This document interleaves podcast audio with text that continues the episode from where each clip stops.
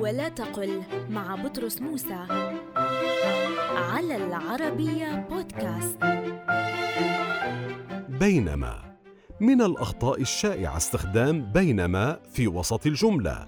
على سبيل المثال كان محمود غاضبا بينما كانت زوجته تضحك. والسبب أن بينما ظرف زمان بمعنى المفاجأة ويجب أن تكون لها الصدارة أي في بداية الجملة. لذلك من الفصاحة القول بينما كان محمود غاضبا كانت زوجته تضحك.